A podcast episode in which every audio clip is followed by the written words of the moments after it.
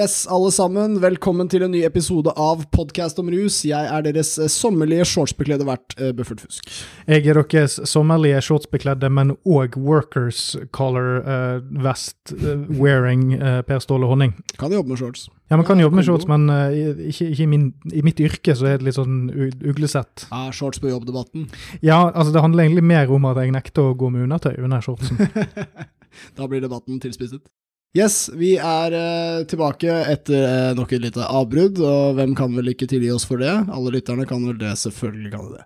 Vi har uh, nok å drive med, folkens, og vi har fortsatt ikke noe særlig spons. vi skal snakke litt mer om det, men vi har Det er mye som har skjedd i verden siden sist. Vi tenkte egentlig å ta litt aktuelle greier, litt morsomme ting fra media. Du vet åssen vi ruller. Mm. Vi er som sagt ferdig med våre 2CB-episoder, som er eksempler på temaepisoder. Vi har runda det. Vi er nyhetsshow, vi nå. Ja, men altså, Vi må jo egentlig bare legge ut en oppfordring til, til, til det svarte markedet om mm. å komme opp med noen litt mer sånn psycho eh, nye varianter av Kan, kan vi ikke få MDMA2 snart? Ja, enig. enig. Litt lenge siden noe nytt uh, der. Ja, og så vet vi jo at oppfølgere som kommer x antall tiår etter originalen, ikke alltid er helt i vater. Vi skal jo f.eks. nå få Indiana Jones 5 til neste år, eller noe sånt. Ja, ok. Ja, nå, jo... ja, Da kan du faktisk se Harrison Ford råtne foran øynene dine. Håper ikke MDMA5 også blir sånn. ja, MDMA5. Noe no med, no med, ekstra mye følelse. Fy faen. Jeg vil ha rusmiddelutvikling som matcher samfunnsutviklingen, mm. men dit har vi ikke kommet ennå. Det er flere år siden det kom noen spennende drugs, så der, ja, kjemikerne, jeg vet ikke hva de skal skylde på. Ja. De som finner drugs i havet, f.eks. jobbet litt mer. Ja, det, er kanskje en sånn bieffekt av at uh, ting begynner å bli mer markedsdrevet på ordentlig. Sånn at mm. det faktisk blir krav om at ting skal være oh, dokumentert. oh, man. Er, der har du baksiden. Weed-industrien i USA blir for stor, begynner å skjøtte ned andre ting. Ja. Se her. Ja, var det verdt det? Mm. Ja, altså, at, altså at, at, prisen for en eh, legal weed-industri er at man ikke får like innfløkte smakstilsetninger omsetning i snus, f.eks. Nå begynner MDMA å bli lovlig i, uh, i USA, eller håper jeg nærmer seg det punktet. Og Det hadde vært gøy hvis f.eks. cannabislobbyen liksom sto hardt imot. Nei, ikke faen! Det er våre folk.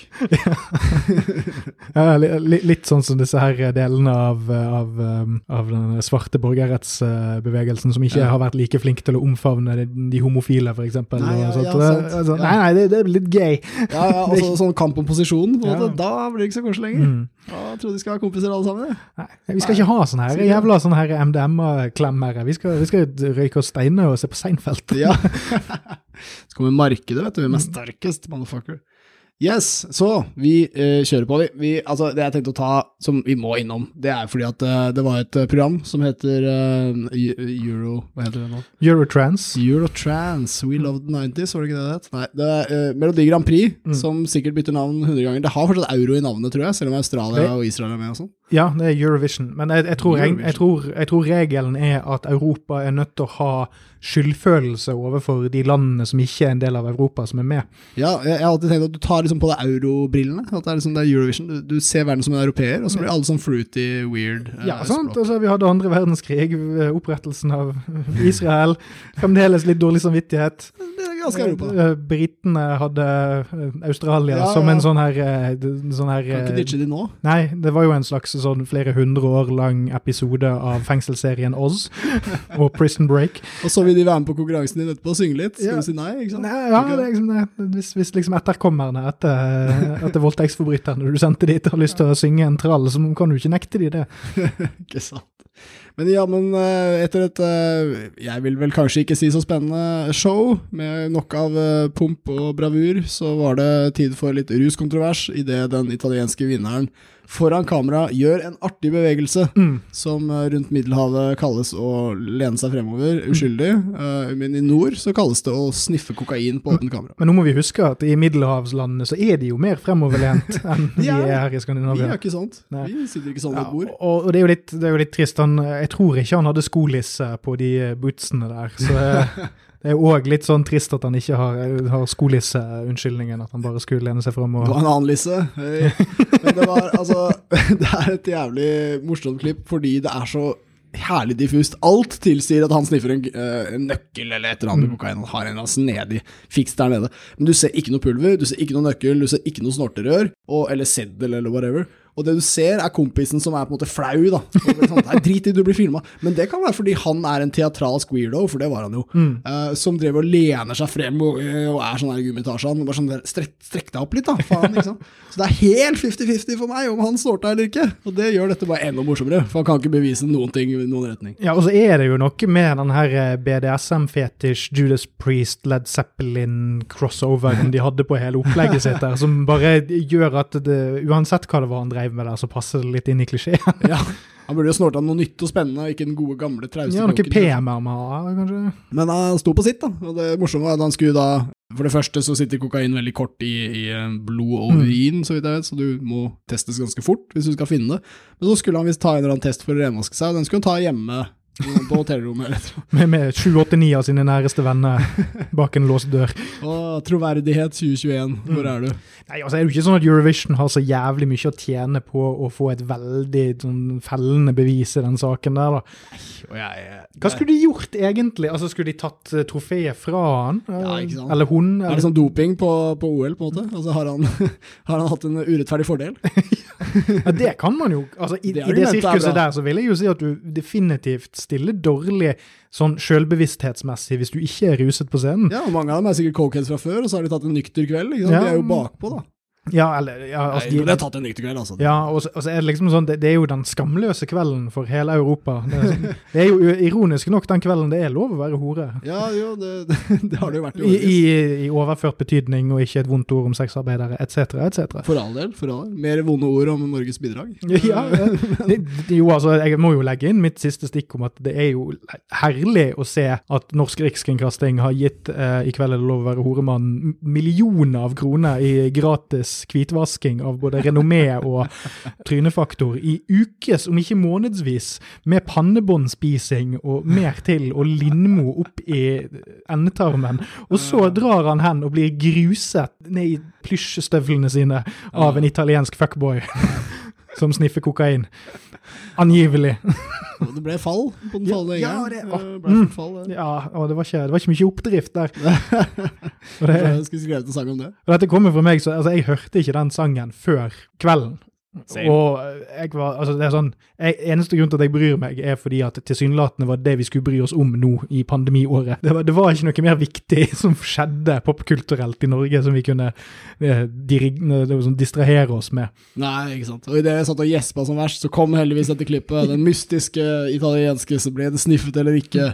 Det største dilemmaet, den viktigste dramaet i hele årets konkurranse. Så, Litt ja. gøy, da er gøy. Altså, igjen, jeg må jo bare si, vi, vi, i denne redaksjonen her, vi vil jo aldri finne på å fordømme en eneste tullete artist som finner på å sniffe en liten nøkkel med kokain ned under bordet som en, uh, som en raring. Det er uh, lættis, og det er teit, og det er ganske corny, men at han skulle bli fordømt, at han skulle liksom miste premien sin dette, Kom igjen, da. Dette er bare humor. Ja, jeg, jeg har sittet liksom og ventet på at noen skal dra forbildekortet, men ærlig talt, vinner du Eurovision, så er du ikke et forbilde for noen sunne, friske unge barn der ute ever. Hadde han vunnet før han sniffa, fordi det er da du blir forbilde, idet du vinner. Så hvis han hvis han sier det var før han ble vant, så har han ikke vært forbilde ennå, kanskje. Ja, og, hvis du ser de intervjurundene som blir gjort etter at finalen er over, så er det jo Du stiller i hvert fall med en fordel hvis du er litt ruset etterpå. Det er ikke sånn at du får så jævlig mange givende seanser med andre artister. Det er jo ikke sånn at altså, Engelsk er jo knapt et, et mm. konsept for mange av de. Ja, ja, sant. Du skal kanskje være litt sånn stimulert og gæren på ja, prego, prego. Ja, men det er kanskje greit å være litt sånn jazzed opp til pressekonferansen etterpå. At ja. Det er liksom der det egentlig gjelder. Det er der showet skjer. Ja, ja, da, er det greit å liksom jekke en liten boks med spagetti à la Capri og være litt på, da. Gratulerer til Italia og alle deres uh, spagetti à la Capri. Hva dere enn heter. bandet. Så jeg ikke... Det er bandet fra Italia ja. som rocka med noe greier. Ah, så viktig er MGP. Det er skikkelig sånn i sentrum av musikk. du vet det der bandet som vant, og alle jublet. Ah, nei, vi får ta noe som er enda litt mer rusete, tenker jeg. Um, fuck Senterpartiet, har jeg sagt det i dag? Nei, Nei nå kunne du si det nå, da. Da, da ble det det, gitt. Herregud, for en gjeng. altså. Ikke stem på de, da. Igjen, da. Norsk politikk er ille nok fra før. Hva skal du stemme hvis du stemmer rus norsk russeform? Aner ikke. Det er mitt tips. SV er jo ganske bra kort ja, på venstresiden der. Det er et par gode, gode, stabile aktører som har vært der hele veien. Venstre, SV Høyre, SV, Rødt, Venstre. Men da er det, da er det sånn ettsaksstemming, da. Ja, vi blir alle strategiske stemmere når de drittsekkene lager spill. Ja. Nei, um, så da var vi innom norsk politikk også. Vi får nesten ta dette med at vi har en uh, liten gravejournalist på Twitter her som trenger å bli nevnt. Jonas Ali Ghanizade. Jeg sa hele det navnet der, altså. Du Ghanizade? Ja, den var nesten inne. Uh, veldig bra. Han har delt med innsynsbegjæringer, og dette er jo helt strålende at vanlige folk driver med. Jeg kanskje kan si det først. Mm. Før så var det bare gravejournalister som gjorde det, og da drev de som ble gransket og fikk sånn der privat forhold til gravejournalistene. De gjør det mm. ennå. Det er sånn der, han er jævla Per fra VG, liksom.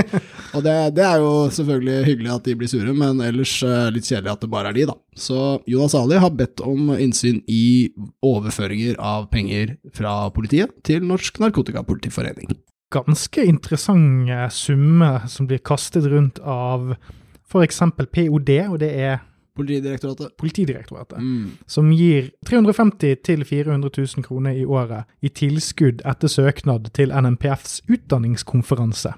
Mm. Hva den utdanningskonferansen er, er ikke jeg helt sikker på akkurat nå, men det er jo òg en ting man kunne sett litt på. altså hva er hvor mye penger er det som er i omløp der? Altså, Er det noe som man betaler for å være med på? Er det bare for uh, eh, NNPF-folk, eller er det, no er det, et kurs? Altså, Er den konferansen sånn som man sender folk på for å ta, ta ekstra, for å få frisket opp kompetansen sin? og sånne ja, ting? Det, det er det. Det er det i, i, i veldig stor grad. Og det som er så det som er så fucka med dette her, altså for meg, Nå vet jeg NNPF er forskjellige ting, det er tollere, det er politi, det er masse forskjellig.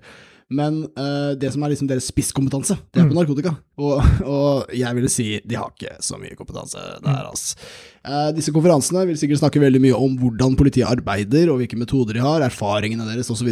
Men når de, altså de vet jo ikke en dritt. De kunne like så godt sagt på disse konferansene at man uh, sniffer hasj og, og skyter LSD, og folk ville sagt ja, nei, det er sant, det er skummelt. Det handler ikke om fakta rundt fagfeltet, da. Hvis det fins et på rus, så er det mm. ikke de folka her som kan lære deg noe. Ja, for vi kan jo ta et steg tilbake igjen her. for det sånn, Dette materialet her ligger på en, en, tweet fra Jonas Ali på Twitter. Han heter at Jonas Ali. Men det er jo altså, det er mange innbetalinger til Norsk Narkotikapolitiforening fra ymse avdelinger i politiet. Ja. Da er det litt mindre innbetalinger fra, til NNPF Hedmark f.eks. fra Enhet Innlandet på 500 kroner. Mm. Og så kan du òg ha da, da, flere sånne innbetalinger til uh, Vest-Oppland lokallag Innlandet, som da er sånn 1600-2500. Mm. Men så er det sånn 40 000 kroner fra Agder og Trøndelag og sånn. Og så har du disse gigantiske innbetalingene fra um, Politidirektoratet på 350 000 i året. Mm. Det høyeste det har vært, er 400 000 i sånn 2015 og 2016. Mm. Og, og, det er sånne sinnssyke summer. Det, altså, det er, jo, er, jo, sånn at du faktisk kunne hatt nesten en hel års eh, Altså en, et helt årsverk finansiert nesten bare for ja. å drifte NNPF sin utdanningskonferanse. Og de kunne hatt liksom en 80% stilling mm. som bare er å planlegge den. Ja. Betalt fra fellesskapet. Fordi, fordi, dette er jo penger som politiet får bevilget fra, eller over, over budsjettet, både lokalt og nasjonalt. Nei, nei, absolutt. Så der er det jo over, definitivt over skatteseddelen, liksom. Ja, ja, ja. Så til de grader. Og må ikke glemme at uh, eh, NMPF også i tillegg er drevet av skattepenger. Altså, ja. Det er jo en, eh, en eh, medlemsorganisasjon, mm. og i Norge så får man støtte. De får penger av Helsedirektoratet, Helse- og omsorgsdirektoratet, for å drive det som heter helsefremmende arbeid. Mm. Jeg veit meg veldig fast i den betegnelsen, siden jeg mener at de faktisk har helseskadelig arbeid. uh, men uh, det, så, så altså, dette er nok en gang en, en kanal til offentlige penger, da. Og, og det letteste å påpeke her er at politiet sitter på alle sider av forhandlingsbordet, mm. lar sine ansatte få fri for å dra på de konferansene osv. Det er uh, sikkert mange som gjør dette i Norge, og noe, noe, i meg blir litt nysgjerrig på om vi har snubla over en eller annen form for norsk uh, korrupsjon, eller altså, mm. altså en, en, måte du kan tjene penger på å ha kompiser i Norge, da, hvis, ja. hvis dere er tilknytta.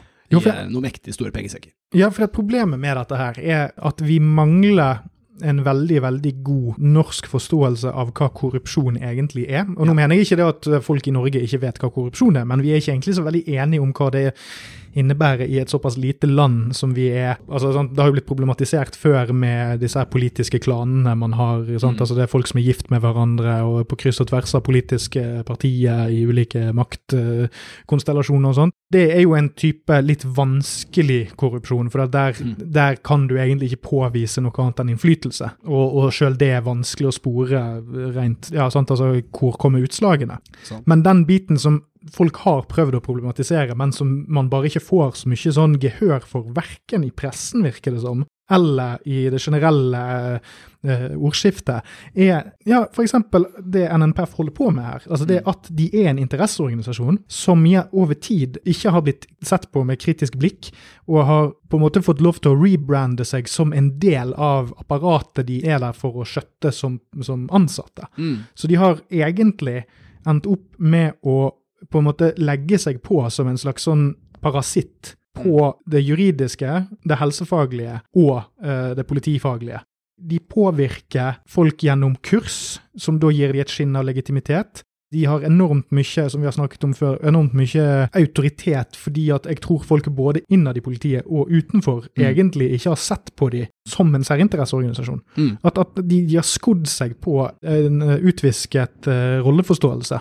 Ja, absolutt. Jeg tror veldig mange oppfatter dem som en del av politiet. Og mm. det er egentlig det vi ser på her. Vi ser på en organisasjon som har et unikt forhold til en annen unik organisasjon da, i mm. samfunnet. Og Jonas, Jonas Ali skriver uh, et godt spørsmål. altså Hvilke andre politiske organisasjoner får rene pengeoverføringer direkte fra politiet? Det er sikkert få. Uh, det kan hende andre leies inn til å drive kursvirksomhet og sånn, men uh, som Jonas Ali også får med, så får de bl.a. også penger fra tolletaten. ikke sant? Mm. Og dette er jo også folk som da er medlemmer der, ja. så, så det, er, det, det, drypper over i, i, flere sammenhenger. Jeg tror vi skal være veldig veldig forsiktige med å ha organisasjoner som ligner på de mektigste vi har.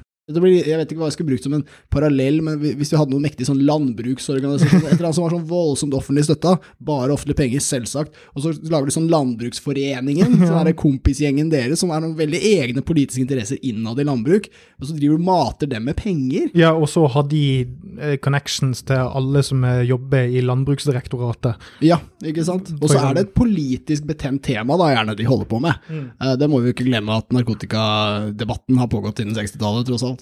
Jo, men det er jo òg det som er interessant her. For det Norsk Narkotikapolitiforening egentlig gjør, er jo at de i dag står for et utdatert eh, narkotikasyn de har holdt på så lenge at dette var allment akseptert for 10-20-30 år siden. Det var det. Så var den kunnskapen de deler på, det er den som var allment akseptert. Mm. Men nå har samfunnet og ordskiftet beveget seg i radikalt annen retning, mm. der vi har nå satt nye krav til, til, hva som defineres som god kunnskap og god forskning, ja. og eh, bare hva sannheten er. Mm. Og de har ikke forandret seg. Nei. Så det jeg tror, er at igjen, det som er litt fascinerende, er at disse folkene her, de tror ikke at de er skurker. Det tror jeg ikke. Jeg tror at Jan Erik Bresil og alle kompisene hans jeg tror de tror at de er, gjør en forskjell, og at dette her ikke er galt. fordi at det er det, målet Målet helliggjør ikke middelet engang, fordi at middelet og målet er det samme i de sine øyne. Mm. Vi, vi trenger å få penger til å stoppe narkotika. Punktum det er òg en sånn ting som jeg tror bidrar til at dette her er ekstremt vanskelig å få nøstet opp i, fordi at du må faktisk helt ned på sånn idénivå mm. med både de du anklager, men òg de du diskuterer prinsipielt med ellers. Det er sånn, Man er faktisk nødt til å bare definere hva er rollen til NNPF, og er den legitim? Og, og, hvor relevant er det også? Altså, mm. vi, som vi var inne på, vi har hatt en enorm sosial utvikling rundt eh, rusmidler i samfunnet siden krigen begynte. I Norge så begynte krigen omtrent når rusmidlene kom også, mm. så vi har egentlig ikke opplevd noe annet. Og det, det, du kan se med den sosiale utviklingen, hvis jeg skal prøve å peke eh, på en slags linje der, så begynner det med at vi er livredd for narkotika, og alle som driver med det. Mm. Så begynner vi å bli litt mer sånn irritert på dem. Eh, så begynner vi å forstå at det er litt sånn forskjell på dem, så vi er irritert på noen av dem, men ikke alle. De som mm. snorter kokain på børsen er litt greiere enn de som, de som lukter vondt og sånn. Og, og, nå har vi begynt å innse at uh, det viser at det er våre folk som ruser seg. Det er liksom våre, Vi er alle pårørende til disse folka. Alle kjenner noen som driver med det. Så sosial utvikling i samfunnet har vært veldig stor på 50 år. Vi har gått fra et komplett fiendebilde til et uh, ganske kameratslig pasientbilde. Mm. Uh, og samtidig så består dette her. Altså, samtidig så finnes organisasjoner som dette her som står helt bom fast, som har en helt fastlåst politisk interesse, som også matcher med deres uh, særinteresser. For det må jeg altså nevne med Norsk Narkotikapolitiforening. Det er ett eksempel som er veldig uh, greit å få med, og det er forbudet mot doping. Mm. For det var noe som skjedde der Norsk Narkotikapolitiforening først lobbet for å få det forbudet på plass. Og når det da kom på plass i 2012, uh, så var Narkotikapolitiforeningen på banen og solgte kurs til mm. politiet om doping, fordi det må jo de ha, nå som det er relevant i lovverket. Den samme relevansen de har lobbet for selv. Så her lager man et behov, og så selger man et produkt til kompisen sin, og så sitter samme folk på begge sider av forhandlingsbordet. Ja, men eh, sånn eh, gründervirksomhetsmessig så er jo dette en god strategi. Altså Hvis du er apputvikler og sånt, så er jo det der å lage et problem for så å selge en mm. løsning veldig, veldig opp i dagen. Hvem har løsningen? Hvem ellers? Ja, For, for eksempel, altså, finn opp problemet erektil dysfunksjon akkurat når du har funnet opp en pille som gir deg benneren. Sant? Altså, det, er, det, er samme type, det er samme type tankegang. Ikke, men igjen, det trenger ikke være en anklage om at dette er gjort bevisst engang. Sånn, for for de tror på forbud. Ja, og, og jeg, jeg, tror, jeg, tror, at folk òg eh, er litt for opptatt av intensjonen når man ser på, mm. på korrupsjon. Ja, absolutt. Men, at, sant, det var den Trude Drevland-saken der hun tok imot en jævla bestikkelsesferie til Italia eller whatever. Ja. Uh, av selskapet som fikk sånn her parkeringsplass uh, i Byvågen i Bergen. Og der var det òg så ekstremt mye sånn krangling om sånne her intensjoner. Neimen, Trudikken mente ikke det, og hun er jo bare en gammel uh, tøysedame som ikke vet helt hva hun driver med, sjøl om hun er fuckings ordfører. Ja, altså, det, ja. det, er den her greien med at vi med en gang noen har gjort noe galt, så er de ikke den personen altså Så har, eh, har de ikke det embetet eller den mm. jobben de har. Da er de bare en privatperson som kan gjøre noe galt. Ja, plutselig. Um, det, men det var et bra eksempel òg, for altså der, var det, der var det store skalaer, store penger. Mm. Der var det cruiseskip, og der var det rike folk som fikk enda mer penger. Korrupsjon er ofte i folks hoder særlig luksus. Mm. Altså Det er de tingene du egentlig ikke trenger, som er korrupsjon. Du, du kjøper en fet bil, du kjøper en tur til Syden. Det er, det er som mm. lottogevinst eller sånne strake, store penger på sida. Koser deg litt. Ja, ikke sant? det er korrupsjon. Men uh, det, er den, det, er den, som er lettest å finne. Og Hvis du mm. finner i land hvor den private sektoren er mye større enn den offentlige, så er det mye mer sånn cash i hånda-korrupsjon og sånn også. Men i Norge så forvalter vi en enormt stor offentlig pengesekk. ikke sant? Så hvis du har penga i, uh, unnskyld, fingrene i den, uh, så kan du velge litt hvor de styrer hvor de penga går. Og korrupsjon kan også være å få seg en jobb, og opprettholde den jobben selv om den ikke trengs. Mm. relevant her. Eh, de, alle vil ha en jobb. Det er, det er, ikke bare tur til Syden og fancy bil alle vil ha. Okay? Folk har også lyst på en jobb, der de jobber med det de liker og det de syns er viktig. Og hvis du ikke er relevant, og hvis du egentlig ikke burde uh, La oss si det for eksempel kanskje kan være farlig for samfunnet, mm. at du gjør den jobben du gjør, så burde du ikke få mer penger til å gjøre den. Men uh, hvis du har noen kompiser, så kan det hende dette varer og varer og fuckings varer. Og det kan til og med hende at du klarer å stoppe politikken som ville hindret arbeidet ditt, som en rusreform for eksempel. Ja, som for eksempel. Jeg, jeg håper at uh, dette her fører til igjen mer granskning og igjen flere undersøkelser og igjen mer tilveggsstilling generelt. Mm. Uh, og det hadde vært veldig fint om vi snart kunne fått en, eh, en runde på debatten på NRK kanskje om interesseorganisasjonene sin påvirkning på den offentlige politikken her i landet, ja. og om det, de skal få så enormt mye ja, Kanskje man skulle spurt litt opp sånn ja, hvem er det som tar disse avgjørelsene om disse bevilgningene, disse gavene, mm. disse tilskuddene? Er de medlemmer sjøl? Er ikke du inhabil hvis du bevilger penger til en organisasjon du sjøl er medlem av? Eh, litt sånne ting. Vi skulle kanskje fått noen medlemsliste. Mm, mm, ja, litt, mm. litt, sånne ting. Absolutt, og jeg tror mange journalister er på ballen nå, og jeg tror vi skal alle være litt fornøyd med hvordan det i så fall har gått. La oss si at dette blir til den oppmerksomheten vi mener denne saken fortjener. Altså Det har kommet frem i løpet av eh, debatten med rusreformen. Rusreformen gikk kanskje til helvete, men vi fikk fram dette her i hvert fall. Riksadvokaten er uenig i hvordan politiet har jobbet, og da viste det seg at vi hadde en statsadvokat som var uenig i det igjen, og som var villig til å stille seg imot. Og når det da viser seg at han er nestleder i denne foreningen, mm. uh, så, så, begynner ting å tegne seg litt offentlig. Endelig så kommer dette litt frem. Det har vært en veldig smal sak for oss rare rusfolk, og vi har sånn eget ruspoliti, og vi er selvfølgelig sinte på de, men dette tror jeg folk ser. Dette er en uh, struktur som ikke er bra. Så ja, lykke til til alle journalister som tar tak i denne elefanten i rommet. Eh, det er bare å skrive, altså, fordi vi har sett den ganske lenge. Ja, det er bare å slå knute på den snabelen der. Ja, det er en elefant der, folkens. Se på den. Elefanten sin snabel er rett ned i statskassen. kan jeg få se hva du har under snabelen? Eh, kan hende du gjemmer noe der. Ganske mye plass under snabelen. 350 000. Rett under snabelen. Rett under. Ja, veldig bra. Nei, ok, vi, eh, vi, koser oss på lufta, som vi gjør med dere som lyttere, vakre mennesker. Men vi har noe mer her. Vi tenkte vi skulle kanskje ta litt tak i en viss case. Her, ja. altså for å lage en liten Segway her. Vi har nå snakket om hvordan det offentlige donerer penger til folk som er kritiske til rus, kan vi vel si. Og det foregår via den restriktive jussektor-jakten på hele greia. Mm. Jakten på brukerne, jakten på stoffene. Eh, men det finnes også eh, motsetninger i samfunnet der folk som ruser seg, blir behandlet veldig dårlig. og Det gjelder i sosiale sektorer, og det gjelder i helsesektorer. og Det er steder hvor vi egentlig alle sammen tar veldig til orde for å være litt raus og bruke mm. skjønn. Men når skjønn brukes noen ganger, så brukes det ikke på det det skal brukes på. Dette er en ganske unik case som vi har funnet eh, i bladet Fri fagbevegelse. Gratulerer til journalistene som har gjort en veldig god jobb. Er, altså, nå er det en stund siden jeg har bladd i det medlemsbladet der, av ulike årsaker årsaker, men det er det gjøres mye bra arbeid i disse fagforeningstidsskriftene, faktisk. For at de som jobber der, er ofte litt mer uh, De har litt mer spisskompetanse. Ja, og, heng, og, henger seg opp i uh, detaljer. Og uh, slår seg ikke alltid helt til ro med en sånn bullshit-forklaring. Absolutt. Journalist Anne Mykkelbust Odland skal ha skryt for dette her. Saken vi snakker om er om uføretrygd. altså Det er da case om Hege, som ble innlagt på rusinstitusjon på Blå Kors hun var da på trygd da hun ble lagt inn. Du får en viss uh, sum. Altså Folk som er på trygd, de har en, en viss takst. De veit hva de får. Den ble kuttet da hun uh, ble lagt inn på rusbehandling, og så hadde hun ikke råd til å bli værende i denne behandlingen. Mm. Og dette er visst vanlig etter det regelverket som fins. Ja, for her er det da en forskjell på om du er innlagt med, på sykehus, f.eks. Hva, hva er somatisk? Det var vel Ja, det fant vi ut. Somatisk sykdom blir ikke rammet av denne trygde, trygdekutten. Mm. Uh, betyr, altså Somatisk betyr fysisk sykdom, altså alt ja. annet enn psykisk, egentlig.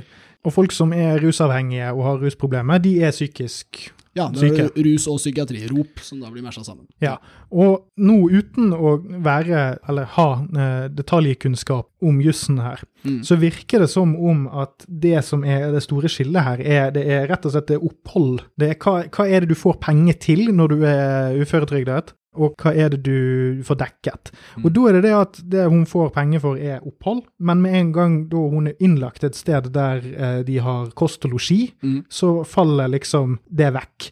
Ja uten tanke på at vedkommende kanskje har et behov for å f.eks. beholde leiligheten sin, mm. betale husleie eller huslån, andre løpende utgifter. Folk som har eh, rusproblemer, har ofte stor gjeld mm. Eh, i mange mm. tilfeller. Mm. Og, og, og, alle disse tingene. Så det er rett og slett en, en ekstremt krøkkete lovformulering som det ser ut som om at det har dukket opp i 2015, altså er det en endring som har skjedd under denne regjeringen spesielt, det er snakk om.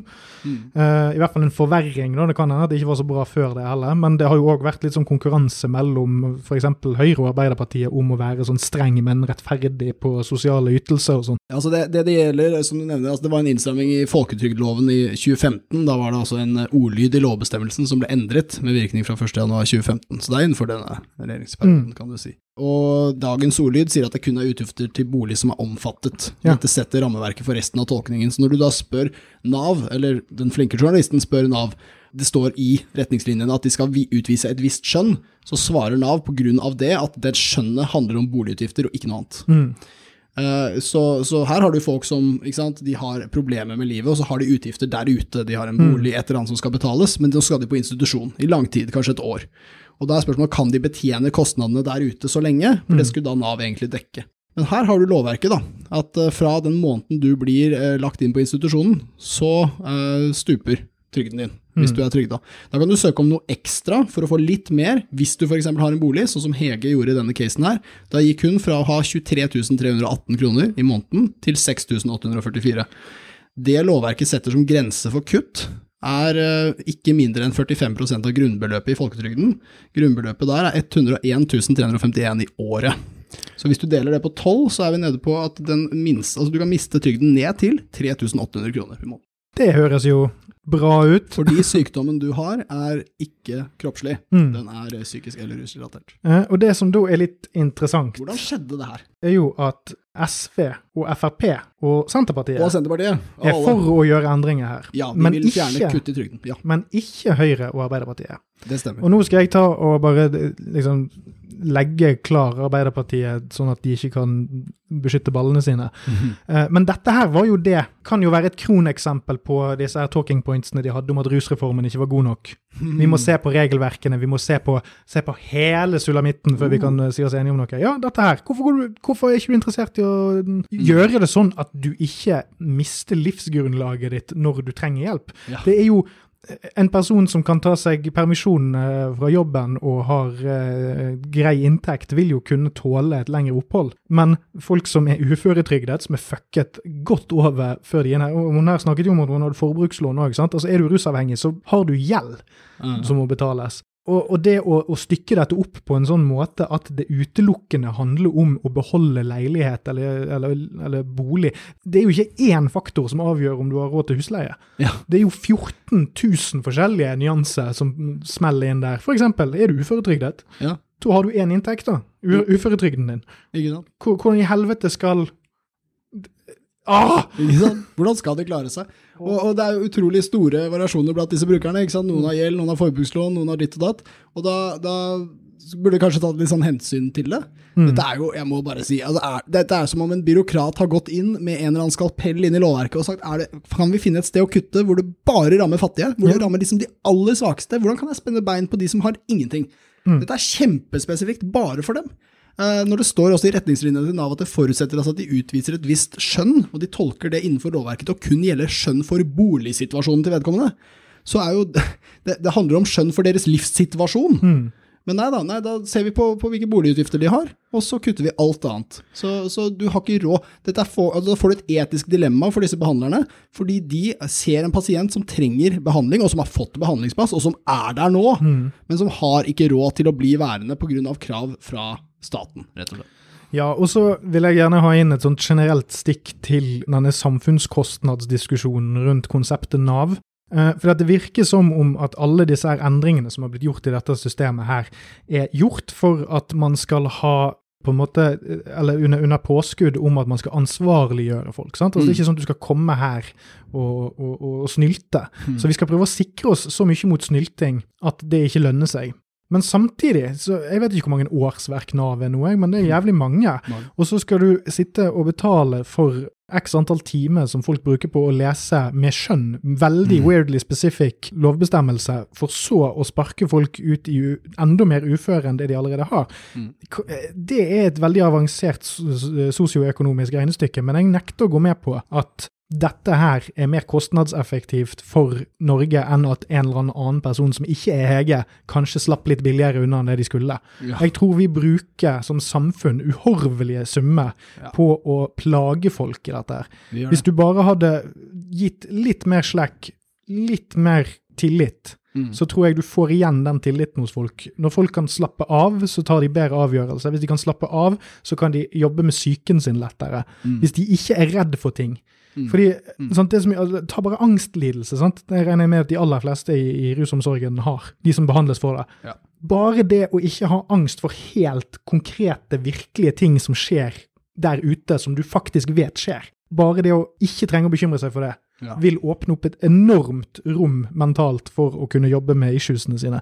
Og det tar vi som fellesskap fra disse menneskene, ja. fordi at vi ikke stoler på dem. Fordi at vi er redd for at de skal få noen tusenlapper for mye i måneden. Og hvordan det ser ut for oss. Ja, og vi sparker bein under den, nettopp den behandlingen vi prøver å få de til å få. Absolutt. Og, og, Hege, som har eh, vært eh, kilden i saken her, hun har jo da stått frem. Eh, jo, hun sjekket jo saken etterpå og så kommentaren om seg selv i kommentarfeltet, og så nordmenn være kjempekritiske og si ting som ja, hun bruker sikkert pengene på røyk, eller mm. et eller annet sånt. Og Der kommer vi til kjernen igjen. Disse folka skal ikke ha en fucking krone for mye.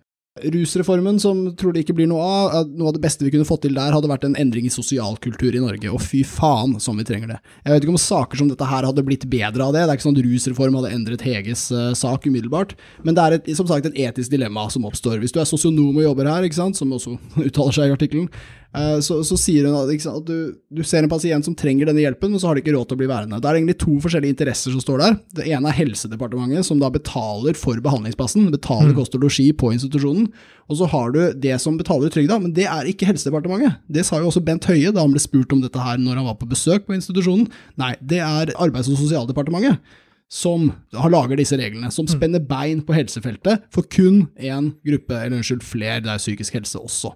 Men, men uh, når staten ikke klarer å bli enig med seg selv om hvor lite vi skal gi til de folka som har minst fra før, så er det ikke så innmari rart at det går til helvete. Og ja, de sosiale kostnadene er enorme. Deres barn, deres venner, deres alt blir påvirket av dette her. Dette er våre mennesker, dette er ikke fremmede, dette er ikke tapere, dette er nordmenn. Faen! ja, men uh, er det noe demo? jo da, jeg håper vi rekker å få episoden ut før. Vi får se, da. Det er altså, uh, folkens, uh, vi sa jo dette på en egen liten smiskete reklamesnutt, som jeg sto for, unnskyld.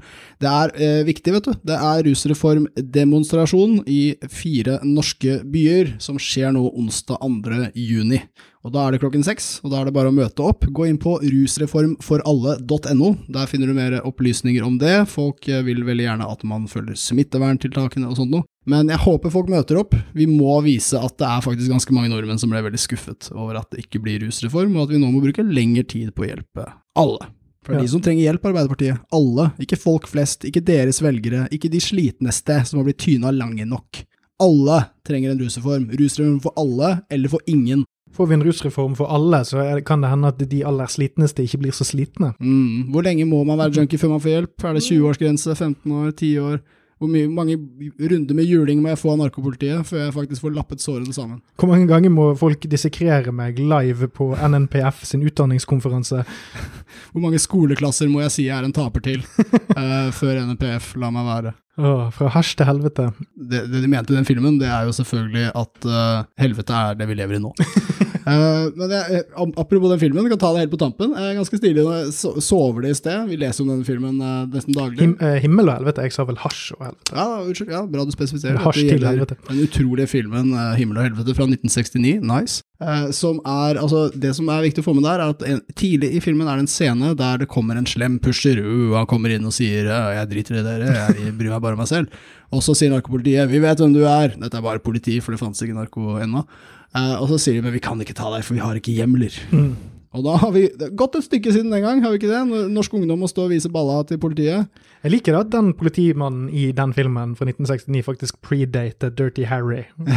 På det der eh, sånn ah, The system has failed! jeg vet du har narko under pungen, men jeg får ikke lov å se.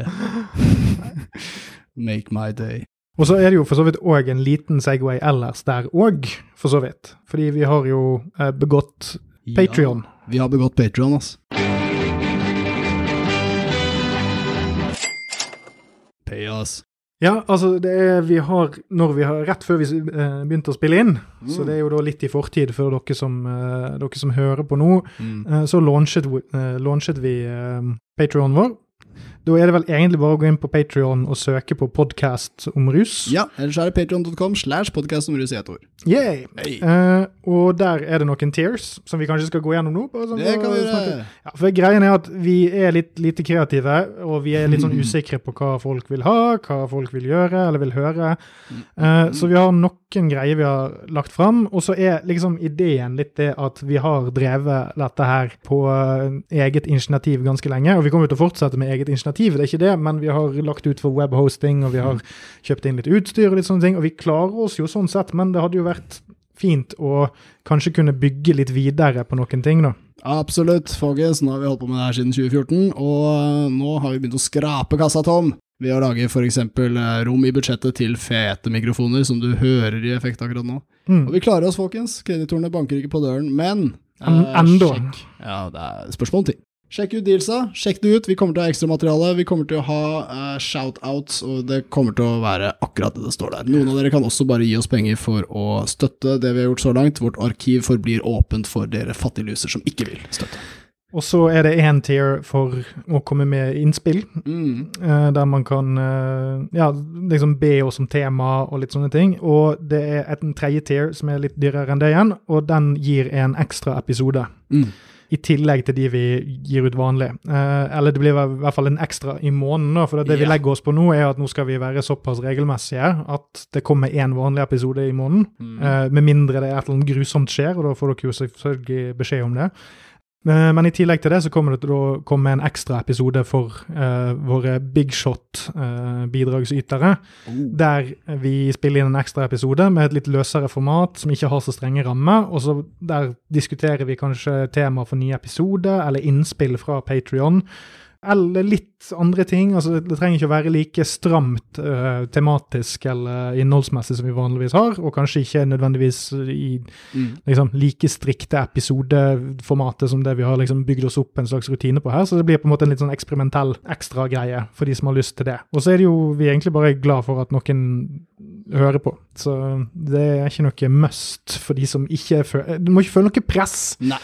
Og vi er reale folk. Vi har pleid å si at vi er uten spons eller spenn, og nå fucker vi litt med formatet. Men du vet at det er som en jobbsøknad, eller etter at vi hater å skryte av oss selv. Men vi er best, og vi har vært der siden 2014, så please pay et eller annet. Uh, Shout-out til de to som faktisk allerede har hivd seg på, Electric Pioneer og Onkel Marley. Tusen, tusen takk. Dere er rå, ass. Takk, Anders. Ja, så får vi se hvor det bærer henne. Uh, og det blir uansett positive bieffekter av det. For man merker liksom det der at med en gang man får noe som ligner på en oppdragsgiver, så blir man litt mer stram i snippen og løs i gangen, eller hva man skal kalle det. Altså det, man, man, får liksom en liten sånn, ja, litt sånn ansvar. Nå har vi noen å følge opp. Ja, vi har drevet den podkasten her på frivillig basis over lang tid, og vi har uh, gjort det via en sterk og fin relasjon, men den blir jo bare sterkere av at vi f.eks. får dekket utgiftene våre. Folk folkens. Så tusen hjertelig takk. Veldig kult å se at noen allerede gadd. Tusen takk til de, og så får vi nesten bare si tusen takk til oss og runde av sånn i noenlunde fornuftig tid. Ja, takk til deg. Jo, takk til deg. Jo, hjertelig.